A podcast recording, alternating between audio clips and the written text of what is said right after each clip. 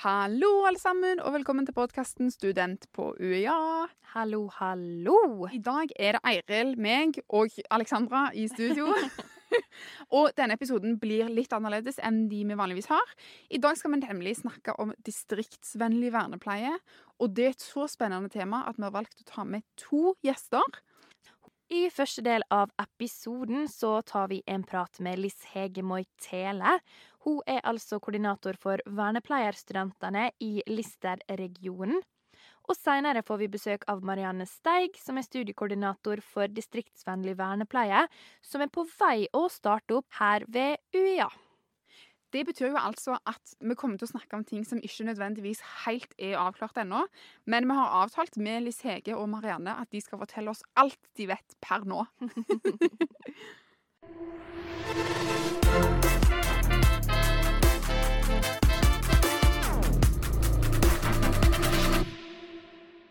Hei og velkommen til studentpodkasten Student på UiA. Mitt navn er Alexandra, og jeg har også med meg Eiril i studio. Hallo. Og i dag så har vi ikke bare en student på besøk, men vi har en, en voksen. En koordinator for vernepleierstudentene i Lister-regionen. Velkommen, Liss Hege. Tusen takk. Vi kan starte med at du får fortelle litt om hvem du er. Ja. Ja. jeg begynner å bli ei godt voksen dame. Nå er jeg 46 år. Jeg er mamma til fire barn som jeg oppdrar. Bor i Flekkefjord. Og har jobba i mange forskjellige ting, men jeg var hjelpepleier i mange mange år og trivdes egentlig veldig godt med det. Og så begynte jeg å tenke at kanskje jeg skulle gjøre noe annet og ha litt flere muligheter. Og da hoppet jeg på og tok Da heter det desentralisert vernepleieutdanning i Lyngdal. På studiestedet i Lyngdal. Så det gjorde jeg når jeg var ferdig i Jeg var ferdig i 2016, så det begynner å bli noen år siden, men ikke så kjempelenge siden. Mm. Ellers så tror jeg jeg er en ganske normal, strikkeglad kone. som har et travelt liv som alle andre med unger og familie. Mm. Og akkurat nå så jobber du med å koordinere andre studenter som skal ut i distriktsvennlig vernepleie. Kan du fortelle litt om arbeidsoppgaven du har i forbindelse med det? Ja. Jeg var så heldig å få jobb i Lister kompetanse fra i eh, oktober. Eh, og eh, Min hovedjobb akkurat nå som prosjektleder for vernepleierutdannelsen, det er å rekruttere folk eh, som har lyst til å være studenter, svare på spørsmål ut på arbeidsplasser og henge opp plakater. Og selge alt jeg kan, hvor flott dette her er, og hvor god mulighet dette er. Så det er veldig spennende. Så vi er på Facebook, og vi er på internett, og vi er på ja, ikke så mye på Snapchat, det ga vi opp, men vi er for gamle. Men på Instagram og rundt forbi, så det er veldig koselig. Masse hyggelige folk som ringer og spør om, de, om forskjellige ting. Mm. Kan du si noe om hvordan en typisk dag som vernepleier kan se ut? Ja, det kan jeg. Men det er veldig forskjellig etter hvor en jobber hen. For du kan jobbe både i eldreomsorg, på sykehjem og hjemme. Du kan jobbe i fengsel, du kan jobbe i skole, barnehage. Eh, noen jobber på et tildelingskontor for tjenester i en kommune. Ja, det er i grunnen nesten bare Mange jobber i psykiatri og rus. Egentlig veldig, veldig veldig mange plasser vernepleier kan være. Men det vi har veldig mye fokus på, er jo eh, eh, selvbestemmelse, menneskerettigheter. Eh, som jeg sa i stad, å hjelpe til å få gode liv med de utfordringene en har. Og det kommer jo veldig an på om du er i en barnehage, eller om du er i fengsel, eller om du er på en sykehjem, så er det jo veldig forskjellig. Men en er opptatt av det. vi lærte på skole at vi skal være brukerens advokat. En skal jobbe for brukerne og ta deres side og, og, sørge for at de får sine rettigheter. Eh, innen eh, omsorg for personer med utviklingshemming så er det jo mye i forhold til tvang og makt, som vernepleieren er ekspert på. For å, først og fremst for å hindre at det blir brukt, men òg når en først må det, at det blir gjort under lovlige former og skjema og tvangsvedtak og mange sånne ting som vernepleieren holder på med. Eh, og så er det medikamenter på sykehjem og Ja, det er egentlig veldig mange forskjellige ting. Eneste plassen som vernepleieren Eller ikke eneste plassen, sikkert, men eh, i forhold til sånn en tenker sykepleier og vernepleier, så eneste plassen eh, vernepleieren ikke er, det må være på somatiske sykehus. Der er vi ikke. Vi er ikke på medisin og kirurgen og sånn. Men eh, psykiatrisk sykehus, der kan vi gjerne jobbe. Barnevern er det mange som jobber. Veldig mange vernepleiere i barnevern. Mm. Men da blir jeg egentlig veldig interessert i å høre, når du valgte å bli vernepleier, visste du da at du ville, hva du ville jobbe med, eller visste du at du ville bli vernepleier? Altså, ville du inn i rusarbeid, eller ville du inn i eldreomsorg, eller ville du bli vernepleier, og så var det tematikken som var interessant? Ja, godt spørsmål. Eh, jeg søkte både vernepleier og sykepleier, og var veldig i tvil. Kom inn på begge to. Og var masse på Facebook og chatta med folk i den gruppa. Og de ene sa du må ikke finne på å bli vernepleier, og vernepleieren må ikke finne på å bli sykepleier. Eh, så satte jeg meg og så på fagplanene og så hvilke emner og, og fag det var, og fant ut at vernepleier er den som faller meg nærmest. Det er det jeg egentlig vil helst. Og når jeg gikk på vernepleien, så gikk jeg inn med et veldig sånn Jeg skal i hvert fall ikke jobbe med personer med utviklingshemming. Det skal jeg ikke. Jeg vil jobbe på Nav. For det er det òg vernepleiere som jobber på Nav. Eh, og jeg hadde praksis i Nav, og det var fantastisk gøy. Eh, når jeg var ferdig, så begynte jeg i en bolig for personer med utviklingshemming, og elska det. Så jeg syns egentlig at det er en veldig flott jobb, og i dag brenner jeg veldig for den, yrkes eller den gruppa med mennesker som er, virkelig trenger noen som kjemper for dem i, i landet. De er veldig, er veldig små stemmer, mange. Eh, så det ble ikke helt sånn som en hadde tenkt. Det skjedde jo noe med en. En lærte jo ting. En ble kjent med mennesker. En fikk andre, andre syn på, på ting i løpet av studiet. En, en, de begynner studiet med å si at dette er en dannelsesreise, husker jeg hun sa. Nå skal vi dannes. Og det gjør vi nok. ja. Det er mye refleksjoner, mye, mye eh, etikk. Veldig mye etikk og moral. Og en må gå mye sånn grundig inn i diskusjoner og kjenne litt på seg sjøl. Hva er greit, hva er ikke greit, og hvorfor mener jeg ting. Ehm, så eh, ja, nå har jeg som vernepleier jobba både med mennesker med utviklingshemming og i eldreomsorgen. Eh, og det syns jeg har vært veldig greit, begge deler. Du kan velge veldig mange forskjellige typer jobber. Og du kan jobbe i hele Norge. Du kan jobbe i utlandet hvis du vil. Så jeg tenker at det er en veldig eh, allsidig utdanning, som, og du får jobb når som helst. Det er ingen problem å få jobb. Eh, distriktsvennlig vernepleie, det er at vi har studiesteder ute i distriktene.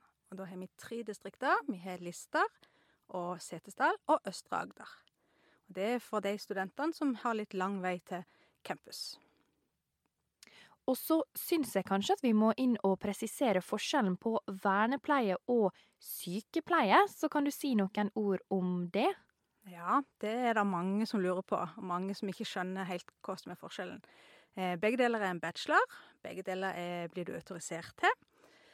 Eh, men de har litt forskjellig fokus. Sykepleier har litt mer fokus på eh, anatomi og sykdommer, mens vernepleien har litt mer fokus på miljøarbeid. Men en jobber veldig godt sammen, og en kan jobbe i mange på de samme plassene. Men en sykepleier kan en kanskje si at når de ser et problem, så er de veldig opptatt av hvordan skal vi fikse det problemet. Mens en vernepleier sier OK, du har et problem, hvordan skal du leve best mulig med det problemet? Det er en sånn liten regel en kan tenke. Og da som distriktsvennlig vernepleier, hva er det som skiller akkurat eh, distriktsvennlig-biten fra i gåsetegn vanlig vernepleie? Ja, det eneste som skiller, det er lengden på studiet, som er litt lengre for at du skal ta det med siden av jobb og familie, og at du tar det ute på studiesentrene, eh, som jeg sa i stad, og ikke inne på campus. Ellers er det helt likt. Da lurer jeg på, er det sånn da at hvis jeg er bosatt i Kristiansand, kan jeg da velge å studere distriktsvennlig vernepleie i Lister, eksempel? Eller er det eh, tilrettelagt kun for de som bor langt vekke fra Kristiansand og Grimstad? Ja, eh, de studiestedene de har noen kommuner rundt seg som er litt langt ifra campus, og de har forbeholdt eh, disse plassene. Så Kristiansand kan du ikke søke på, på denne, men Lindesnes kan. Det er jo nesten det samme. men eh, det er litt langt til, til Grimstad for de som bor i Lindesnes, eksempel. Derfor har de få- fått være med. Og så har jeg vært inne på UiA sine nettsider og lest litt eh, om dette studiet. Og så ser jeg jo at det er nett- og samlingsbasert. Litt Hege, kan du fortelle meg litt, hva betyr egentlig det? Ja, det er eh, at eh, det meste går enten over nettet, så at du får streama forelesninger, eller direkte på nettet. Og samlingsbasert, da menes det at en møter opp på de tre studiestedene, og så sitter en sammen og ser eh, via, på nettet der. Noen ganger kommer det òg ut eh, lærere fra UiA, men ikke på alle forelesningene. Og så er det noen ganger en, en, en kjører til Grimstad eller Kristiansand eh, for å trene, eksempel, på, eh, på stellestua som de har, sånn at en får de praktiske tingene òg. Men stort sett så er en på sin lokasjon eller på sitt studiested. Mm. Og de samlingene, er det sånn at eh, man møtes eh, en gang i måneden, eller en gang i uka, eller er det noe system i det? Ja, I utgangspunktet er det én dag i uka på dagtid. Mm. Og så er det òg eh, lagt opp til at en skal ha én dag i uka med, med gruppearbeid. OK. Dette studiet er både nett- og samlingsbasert. Men så hører jeg når du forteller, Lise Ege, at dette her er jo ei utdanning som Eller et yrke som i aller høyeste grad er ute i verden, i samfunnet, sammen med folk. Og da må man jo også gjennom litt praksis på studiet. Så kan du utdype om praksisordninga i distriktsvennlig vernepleie? Ja, den er i utgangspunktet helt lik som man er på ordinær vernepleie. Han kommer bare litt forskjellig i semestrene etter hvor langt, langt den er kommet. Men det er tre, tre eh, praksisperioder. Eh, to på ni uker og én på tolv uker. Og da går en eh, som ordinær, altså full tid. Full tid er 30 timer i uka. Og først så er de lagt opp litt sånn forskjellig eh, tema. Første er litt sånn eh, miljøbasert. Da er det mange som er i, i, i bolig eller andre plasser med personer med utviklingshemming. Dagsenter og sånn. Det er liksom litt sånn hovedgrunnlag. Trenger ikke være det, men det er sånn hovedmiljøarbeid. Eh, og så andre praksis. Da vi, er det fokus mer på stell og pleie. Det er sånn typisk eh, sykehjemspraksis, hjemmesykepleie. Ja, der du lærer de grunnleggende tingene. En del sykepleieteknikk. Før den praksisen så er en òg i Grimstad og har ferdighetstrening på Da stikker de hverandre i rumpa eller i hofta på, med sprøyte, og lærer blodtrykk og alle disse her eh, tingene som en er greit å kunne Mm. når en kommer ut. Iallfall har jeg gjort litt når en kommer ut. Og så er det tredje og siste praksis. Den er litt lengre. Den er på tolv uker. Og sånn som det står i planen per nå, så er det indi- individmiljøretta praksis. Eh, og da er det nok litt mer du kan velge litt sjøl hvor du vil være, og mer, går inn i et enkelt, eh, enkeltmenneskes utfordringer og hjelper å skrive oppgaver om det. For i alle praksiser så må man òg skrive praksisoppgaver som en skal finne problemer og løsninger og, og følge underveis. Så det, det er ikke noe hvile, hvilepraksiser. Det er ganske heftig, men det er veldig gøy. Veldig, veldig spennende. Ja, veldig spennende. Og praksis det er jo alltid kjekt. Det har i hvert fall jeg syns at det alltid har vært. Men så lurer jeg også litt på om det kreves noe spesielt for å søke seg inn på dette studiet. Ja, eh, du må ha studiekompetanse. Og så står det òg at du kan søke realkompetanse, men du må ha mattekrav som eh, stu, ordinær studiekompetanse. Eh, jeg vet sånn at det ikke er så mange som kommer inn på, på realkompetanse, så jeg anbefaler alle som ønsker å ta studiekompetanse eh, for å komme inn. Eh, det er stor søknader, eller mange som søker, sånn at det er litt sånn ja, det er ikke, det er ikke rom for å, for å bare dille seg gjennom en realkompetanse. Det må være litt som ligger i bunnen. Mm. Og i tillegg til eh, studiekompetanse, så må en ha en politiattest. Og det er jo for vi skal jobbe med mennesker som er sårbare, og da er det spesielt eh, de som har psykisk utviklingshemming, som står om i loven, at da skal det være en politiattest. Og så må en òg ha eh, godkjent i forhold til MRSA og tuberkulose og litt sånn ting, for dette skal inn og jobbe med mennesker som har litt dårlig helse, kanskje. Mm. Mm. Nå har vi sett litt på hva det kreves for å kunne søke seg inn på ditt studie, men kan du også sette ord på hvem studiet kan passe for? Ja, i og med at det er et distriktsvennlig studie, så er det jo hovedfokus på personer som bor utenfor distriktet, og gjerne som har jobb og familie som gjør at det er vanskelig å komme inn på campus. Mm. Det er litt sånn som jeg var. Jeg hadde, da hadde jeg tre unger og var gift og hadde huslån og hadde jobb, og kunne ikke bare plutselig finne ut OK, nå vil jeg på fadderuka og være fulltidsstudent i tre år. Det går ikke. Så da er det en stor del eh, som er voksne mennesker som har en, har en livserfaring og har en arbeidserfaring som er studenter. Så er det i tillegg åpna opp for at det òg kan komme noen ifra, direkte fra videregående. Og det er kan være folk som, eh, som eh, selvfølgelig søker og ikke Ja, de søker både på campus og, og, og på distriktsvennlig, men av og til så er det òg litt yngre folk som av ulike årsaker ikke kan flytte eller ikke klarer å reise. Og det kan være, kan være mange årsaker. Noen er ikke klar for det ennå, og noen har veldig noen har en kjæreste de ikke vil reise ifra. Ja, det kan være litt forskjellig. Så det er en sånn god miks. Og det gjør det jo veldig spennende, for du får litt forskjellige innfallsvinkler på problemene som en snakker om. Og det er veldig kjekt. Da tenker jo jeg litt sånn at eh, Når jeg ser for meg en klasse dis i distriktsvennlig vernepleie, så ser jeg for meg en gjeng som har veldig lyst å bli Som er veldig motiverte til å bli vernepleiere. Fordi at man gjerne har ofra litt grann mer. Sant vel? Si at du har en mann og en barn og et hus, så har du gjerne ofra litt mer enn det de som kommer rett fra videregående, kanskje har. Så da tenker jeg kanskje at du har et veldig bra klassemiljø. Selv om man eh, møtes eh, en gang iblant, bare. Ja, det tror jeg nok. En har iallfall et veldig annerledes klassemiljø enn det en har på campus. Eh, det er ikke alle som har mann og barn. Noen har òg eh, kone og barn, for det er jo òg menn som går på vernepleie. Eh, kanskje enda flere enn det det er f.eks. på sykepleie. Så er det en del menn som er studenter. Men jeg tenker at du får Ja, en tar litt vare på hverandre, kanskje på en litt annen måte. Samtidig så er det ikke så mye at en har festa i helgen og har så mye sånn utenom. For da har en et liv som en, som en må ta vare på. Eh, men jeg, jeg opplevde klassemiljøet som, som bra. Eh, det gjorde jeg. Noen blir det jo selvfølgelig knytta mer til enn andre, det tenker jeg er helt naturlig. Mm. Men, eh, men det var, var kjekt, og vi har ennå nå noe kontakt nå i ettertid. Og vi ser jo ofte hverandre, for vi, vi er jo distriktsfolk, sant? så vi bor jo Det er jo det som er bra med distriktsvennlig. Mm. For det er at de studentene som blir ferdig utdanna, de bor jo der. Og de kommunene får jo dem, istedenfor de andre som eh, Sånn som min datter som var ferdig nå, hun vil ikke komme hjem igjen. Hun vil Mm. jobbe der i Stavanger, for der er det kjempegøy å bo. Mens jeg som har tatt det samme, jeg blir værende, for jeg er stuck. Så det er jo veldig bra for kommunene, for de får eh, De, de som blir utdannet, de blir værende og blir arbeidskraft i de kommunene som Mm. de bor i. Det er kjempebra. Ja, Man går kanskje fra å være medstudenter da, til å bli kollega rimelig kjapt. Absolutt. Ja, det er en hyggelig. Det er hyggelig. Spennende. Jeg må bare litt tilbake til praksisen. Er det sånn at det er lett tilgjengelig å få praksisplass rundt om i distriktene? Eller kan det hende at du må reise et stykke for å være i praksis? Ja, Det kommer an på hvor god jobb jeg gjør. En av mine jobber er å finne praksisplasser.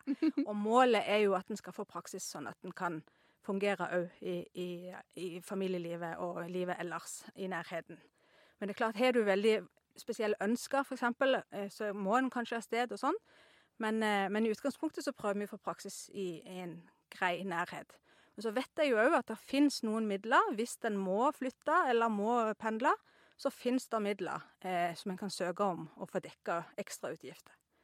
Eh, men det er ikke hoved... Eh, vi prøver ikke Det er ikke så lett å ha praksis en time ifra så begynner klokka sju, og så skal du levere i barnehagen først. Liksom. Så jeg må prøve å få det til å gå, gå rundt. Mm. Mm. Mm. Og også et spørsmål knytta til dette med praksis og eventuelt familieliv. Eh, dette her er jo et studie som strekker seg over fire og et halvt år for å ta en bachelor. Og de som da har ja, huslån, unger som nevnt, de har jo kanskje holdt på ei deltidsstilling ved siden av studiet for å ha en viss inntekt utover Lånekassa. Men praksisen er jo obligatorisk, både den på ni og på tolv uker. Så hvordan opplever du på en måte Er det mange som har problemer med å løse den kabalen der? Eh, jeg tenker at folk er veldig kreative. Eh, hvis en ser på hvordan jeg gjorde det sjøl, så hadde jeg jo ikke sommerferie de årene. Eh, jeg jobbet jo ikke så mye, så da var det heller ikke sånn at det var veldig krevende å ikke ha ferie. Og så sparte jeg ferien til praksisperiodene. Mm. Og så hadde jeg litt grann permisjon uten lønn. Og så hadde jeg eh, jobba inn ei helg her og ei helg der. Ei vakt, sant? Du planlegger det, for du vet det litt over tid. Mm. Eh, og noen eh, var så tøffe at de gikk på praksis på dagen og, og jobb på kvelden. Jeg vet ikke helt om jeg anbefaler det, men, eh, men det kommer jo an på hvem er du, hvilken situasjon er du i. Har du, noen har ikke barn, noen har barn, noen har kjempemye mye energi. Så det må en jo hver og en vurdere sjøl. Men en, det er et studium eh, Mhm. som krever en del av deg, så jeg tenker at en må prøve å planlegge det litt, så går det meste. Ikke bare skal man i praksis, men man kan jo også reise på utveksling. Kan du fortelle litt mer om de mulighetene? Ja, jeg kan si eh, så mye som at det er utviklingsmuligheter. Eh, utgangspunktet til Afrika. Det er ikke alt som er helt fastlagt og planlagt ennå, så jeg anbefaler at når det nærmer seg litt sommeren, så går en inn på UiA sine nettsider på utveksling, og så sjekker en der. Eh, utveksling er ikke før i, i semester eh, sju, så det er jo en stund til. Det er den siste, den lange praksisperioden. Mm. Eh, sånn at det er litt å gå på. Og så er det òg sånn at det må være mer enn én student. Det må iallfall være to som reiser på utveksling. Det har litt med sårbarhet og ta vare på hverandre og sånn å gjøre. Mm. Sånn at hvis en har lyst på det, så er det sikkert lurt å begynne å sjekke litt rundt. Er det noen andre, om ikke her i mitt studiested, men dette er de andre studiestedene, som Mm. har lyst å prøve å sjekke ut det litt tidlig? For det, det er jo litt forberedelser, selv om det er lenge til. Ja, det gjelder å markedsføre det litt. Ja. Eh, og så har jeg òg vært inne på nettsidene og sett at det står noe om egenbetaling. Kan du fortelle noe knytta til det? Eh, studiet er i utgangspunktet helt gratis. Det er kun eh, studentavgifter som de må betale. Og så må vi innom eksamen. Det syns jo veldig mange er både skummelt og spennende. Kan du si litt grann om hva slags ulike eksamensformer du har vært gjennom i løpet av de semestrene på studiet? Ja, Det jeg har vært gjennom, det er muntlig eksamen og skriftlig eksamen på skolen. Og skriftlig eksamen hjemme over tre og fire dager som regel. Og så er det jo denne berømte skumle legemiddelhåndteringa. Og der er det jo regning, akkurat som sykepleieren. Den må bestås. Null feil. Og du har bare tre forsøk, tror jeg det. Mm. Som en, eh, ellers så ryker du ut. Men det som er veldig greit med vernepleie, måten de er lagt opp på, det er at du gjør ferdig ett og ett emne. Du har innleveringer eh, som du må bestå for å kunne ta opp til eksamen, og så du, har du eksamen på slutten, og så begynner vi på et nytt evne. Sånn at du har ikke liksom fire forskjellige ting som du må fokusere på og lese til eksamen på, i samme, på samtidig. Mm. Og det syns jeg var veldig greit, iallfall. Det høres jo veldig greit ut å ha blokkfag, egentlig. Mm, helt klart. Mm. Men da blir jeg litt eh, interessert, til Hege. Når du var student og hadde eksamener, hva var din favoritt-eksamensform? Eh, Heimeeksamen. ja. Ja. det synes jeg Jeg synes med muntlig det hadde vi beregna, den syntes jeg var helt forferdelig. Men det var nok òg litt, for da hadde jeg just fått baby, for jeg fikk baby under studiet mitt. Ja. Jeg hadde med meg han som jeg hørte lå og grein ute i ganga, og gikk og, tanta gikk og bussa og hadde nesten ikke sovet. Og ja, det var ikke noe kjekt. Og jeg tror ikke de lærerne syntes det var så kjekt heller, men det gikk. Det gjorde det. Men eh, det er ikke mitt stolteste øyeblikk. Men heimeeksamen syns jeg er veldig kjekt. Det, da får du virkelig satt deg inn, du får brukt litt tid, du får grunna litt. Du får, og i et sånt fag som dette, som det ikke er bare sånn to pluss to er fire, du må Mm. Tenke litt hva, hva er det egentlig de spør om, hvordan er det egentlig jeg syns det er greit. Mm. Så er det greit å ha litt tid. Ja, det er godt å få tenkt seg litt om, på en måte, og da kan du òg gjerne reflektere litt. Absolutt. Jeg er jo egentlig veldig glad i muntlig, men det er litt fordi at du er inne en halvtime, og så er det medium fælt i en halvtime, og så er du ferdig. Mm. Det er fort over, det er digg. Det er nok veldig ulikt hva folk syns er greit. Ja, absolutt. Og da er det jo òg veldig fint at man får prøvd seg på litt ulike eksamensformer. Etter endt utdanning så blir jo du sertifisert som helsepersonell, men hvis man ikke har lyst ut i arbeidslivet med en gang, kan du si noe om de videre mulighetene på studiet? Ja, der er rundt om i hele landet så er det flere masterstudier en kan ta som vernepleier. Og det er helt sikkert mulighet for å ta ph.d.-er òg, men der har jeg ikke satt meg så veldig inn. Eh, men master er det både eh, på UiA, og der er andre plasser òg i landet der det er mulighet for det. Ja, for å nevne noen så kan man annet ta klinisk helsevitenskap eller helseinformatikk eller psykososial helse i Grimstad eller på Kristiansand campus. Det som er litt greit med eh, å ta en master, Ja. skal jeg eh, reklamere litt for det, Ja. det er som du sa i stad, at vernepleien er veldig vid. Så når du finner ut at dette området har jeg lyst til å jobbe med, så er det veldig kjekt å kunne spesialisere seg litt. Mm. Fordi at, eh, som du sier, så kan du veldig mye om veldig mye, eller litt om veldig mye, ettersom en ser det, Mm. når en er ferdig vernepleier. Men er det sånn da For at, eh, jeg vet på sykepleie så kan du bli sykepleier etter tre år, og så må du gjerne jobbe litt før du kan bli helsesykepleier, f.eks.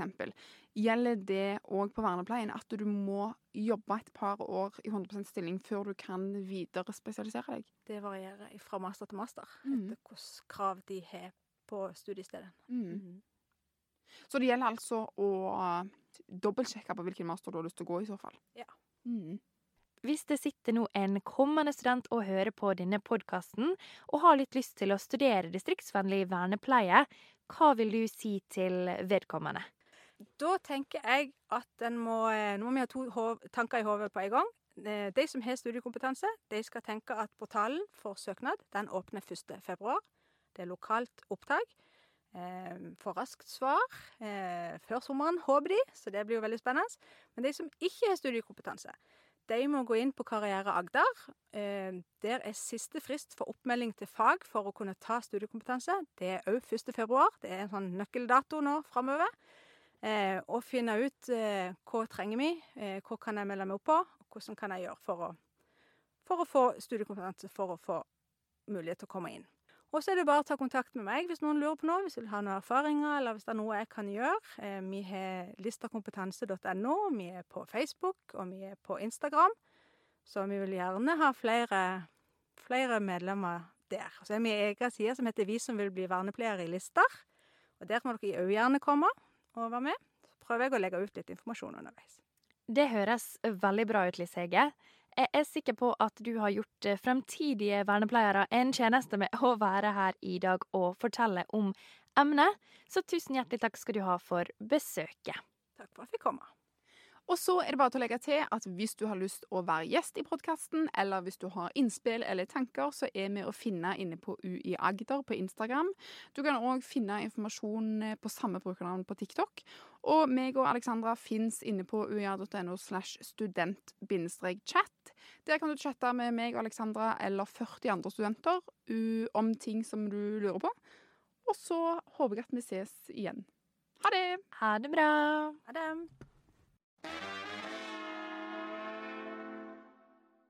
Første del av podkasten var sammen med Liss Hege Moitele, som altså er vernepleierstudentene sin koordinator for distriktsvennlig vernepleie i Lister.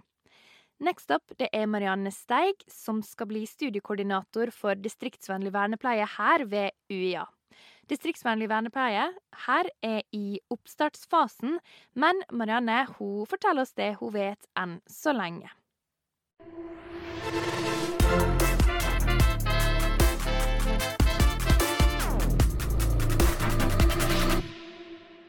Hei og velkommen til podkasten Student på UiA. Mitt navn det er Alexandra, og med meg i studio i dag så har jeg Eiril. Hei! Og også Marianne. Hei.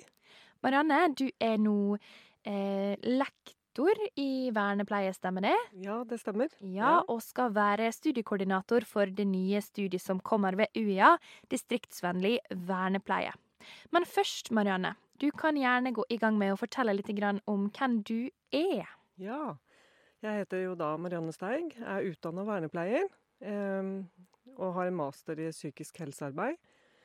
Så jeg jobba flere år eh, i, i, praksisfeltet. Eh, i, både innenfor tjenester til mennesker med utviklingshemming, rusbehandling, og i politiet som, som rådgiver.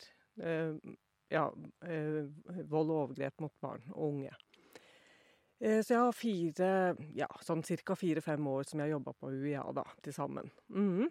Og så er jeg eh, opprinnelig fra Setesdalen, og har tatt eh, vernepleien på deltid i, på 90-tallet. Ja, og hva er egentlig vernepleie, Marianne? det er en helse- og sosialfaglig utdanning, bachelorutdanning. Eh, som gir kompetanse til å jobbe med mennesker i alle aldersgrupper innenfor alle disse tjenestene som er helse-, sosial- og velferdstjenestene som vi har i Norge. Ganske brei utdanning, da. Mange vil vel kanskje blande vernepleie litt med sykepleie. Kan du beskrive forskjellen på de to retningene? Ja. Eh, vi har jo eh, Vernepleiere blir jo også som sykepleiere eh, autoriserte som helsepersonell fordi vi har eh, den helsedelen, eller eh, medisinkompetansen også, i vår utdanning. Som, som gjør at du ha, ha, blir autorisert da, som helsepersonell når du er ferdig. Um, og så Samtidig så vil man jo si at det er en forskjell på utdanningene, og at sykepleien har nok mer vektlagt enda mer på somatikken, og, og vernepleien har nok mer vektlegging på miljøterapeutisk arbeid. Ja, og så eh, lurer jeg jo egentlig litt på om du kan fortelle noe om skillet mellom ordinær vernepleie og eh, studie og distriktsvennlig vernepleie. Hva er på en måte hovedskillelinjene mellom de? Ja, både det som vi allerede har begynt å kalle campuskullet. De, de, tar jo da denne bachelorgraden på tre år. Mm. Mens på distriktsvennlig så vil det være over fire og et halvt år. Så det vil være sånn ca. 75 Eh, ja, I stedet for at du gjennomfører på 100% så blir det 75 eh, mm. cirka arbeidsmengde da, per Eller ja, i løpet av den tida. Så er det litt sånn ujevnt fordelt, sånn at det, nå i planleggingsfasen så ser vi nok at førsteåret kanskje blir den mest intense perioden i, eh, i løpet av de fire og et halvt åra. Hva er det man eh, gjør som vernepleier ute i distrikta som man ikke gjør som ja, i gåseøyne vanlig vernepleier? Selve fagutøvelsen vil jo være den samme. Mm. Eh, Den vil jo ikke være noe forskjell på. Eh, eh, En av fordelene med å bli vernepleier er jo at du ofte du har mange arbeidsmuligheter innenfor mange felt. Både retta mot bofellesskap, du er institusjoner, Nav Altså eh, skole. Det er det er et stort felt. Sånn at det kan godt være at det er et mindre arbeidsfelt, men selve, selve fagutøvelsen vil jo være den samme. Mm. Og så heter jo studiet distriktsvennlig vernepleie. Kan du fortelle litt mer om hvem dette studiet er for?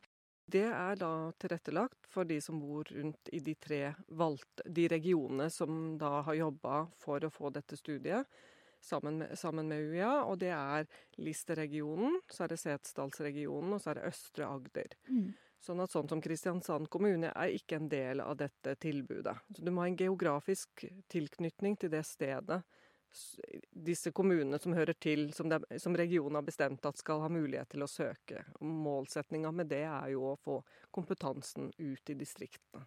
Jeg har vært inne og lest litt på UiA sin nettside rundt distriktsvennlig vernepleie, og der står det at denne utdanninga den er både nett- og samlingsbasert. Hva er det egentlig det betyr for noe? Ja.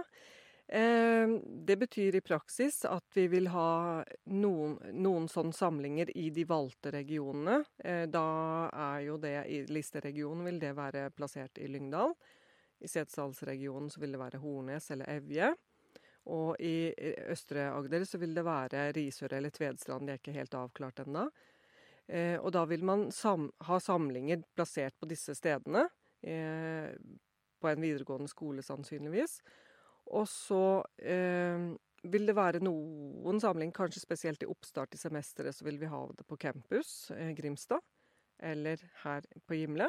Mm. Eller det kan være noen av forelesningene som streames på en, eller ja, digitalt, som gjør at du kan, eh, kan være hjemme. Mm. Og når man møtes, da, er det sånn at man møtes en gang i måneden, eller er det en gang i uka, eller er noe av det bestemt allerede?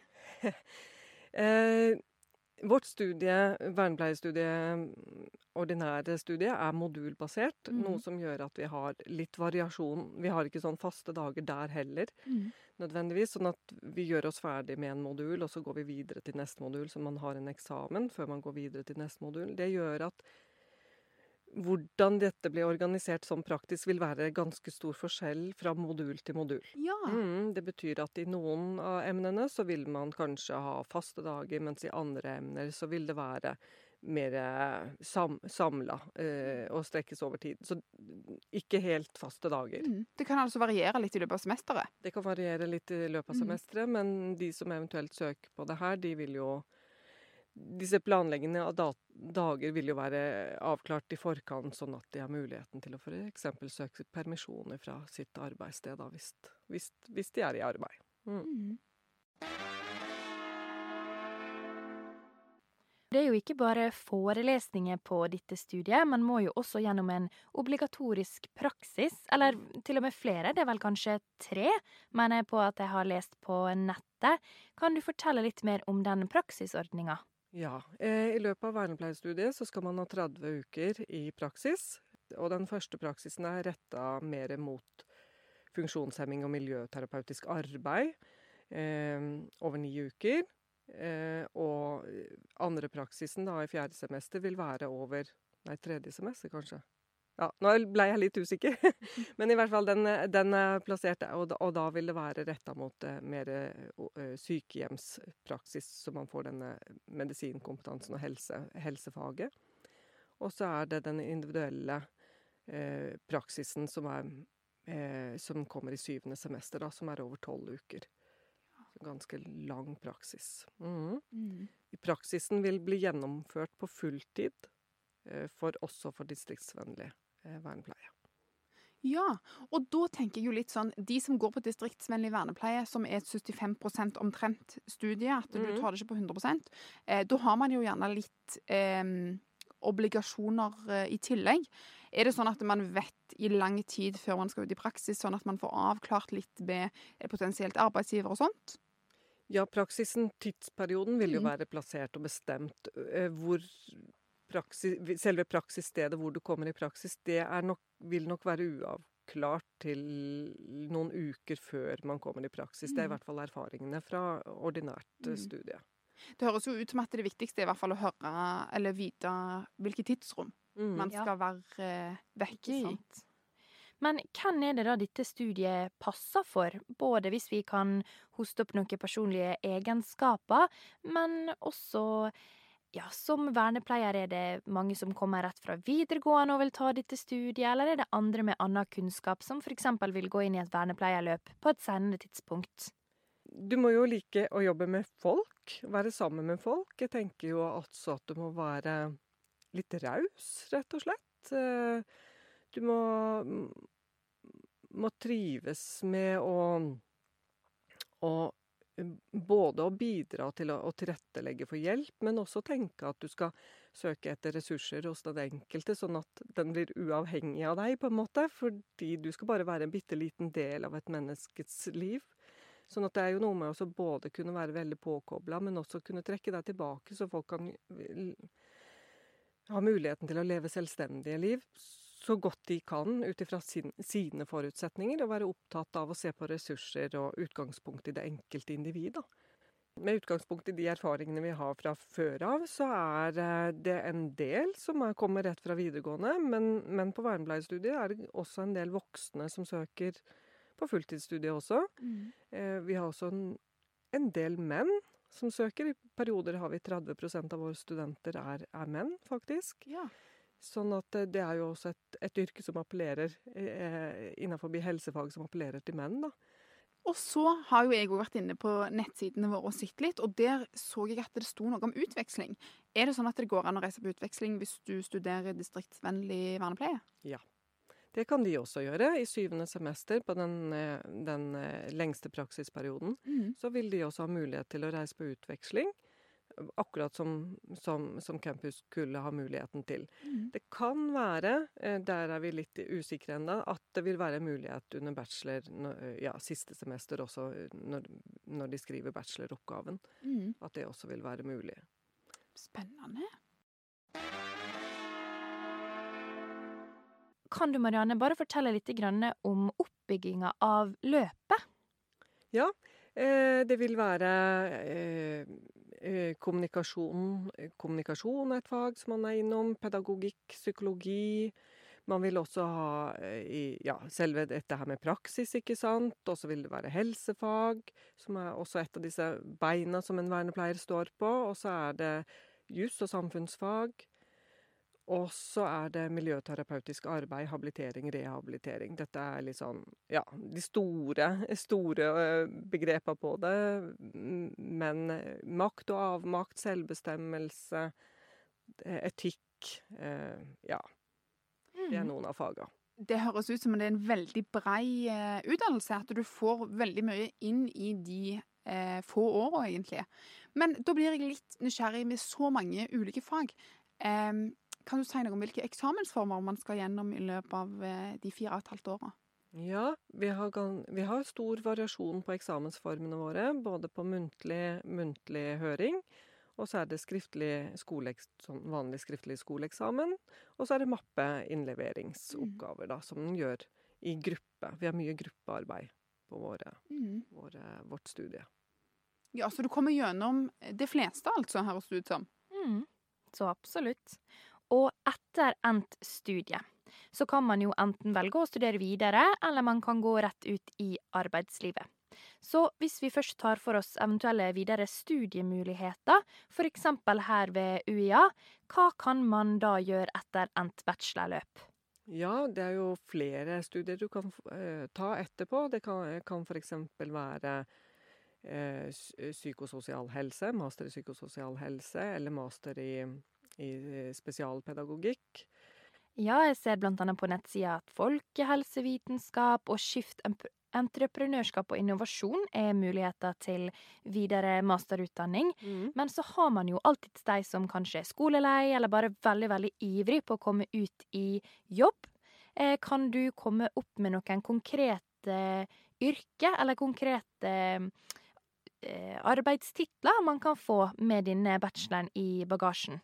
Ja, eh, som ofte så blir man jo ansatt som vernepleier. Eh, kanskje noen steder kaller de det kanskje fortsatt som miljøterapeut, da.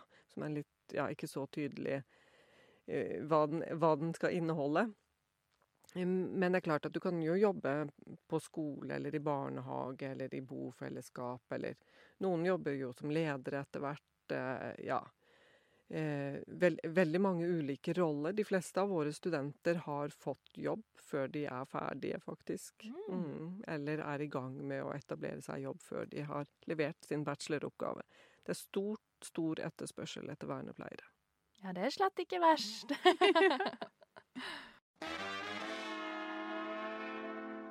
Da sitter jeg her og tenker sånn OK, hvis du skal ta vernepleiestudiet eller distriktsvennlig vernepleie på fire og et halvt år istedenfor på tre år, eh, og det er omtrent 75% istedenfor 100% er det sånn at det da er lettere for meg som student å være student på distriktsvennlig vernepleie kontra normal, ordinær vernepleie?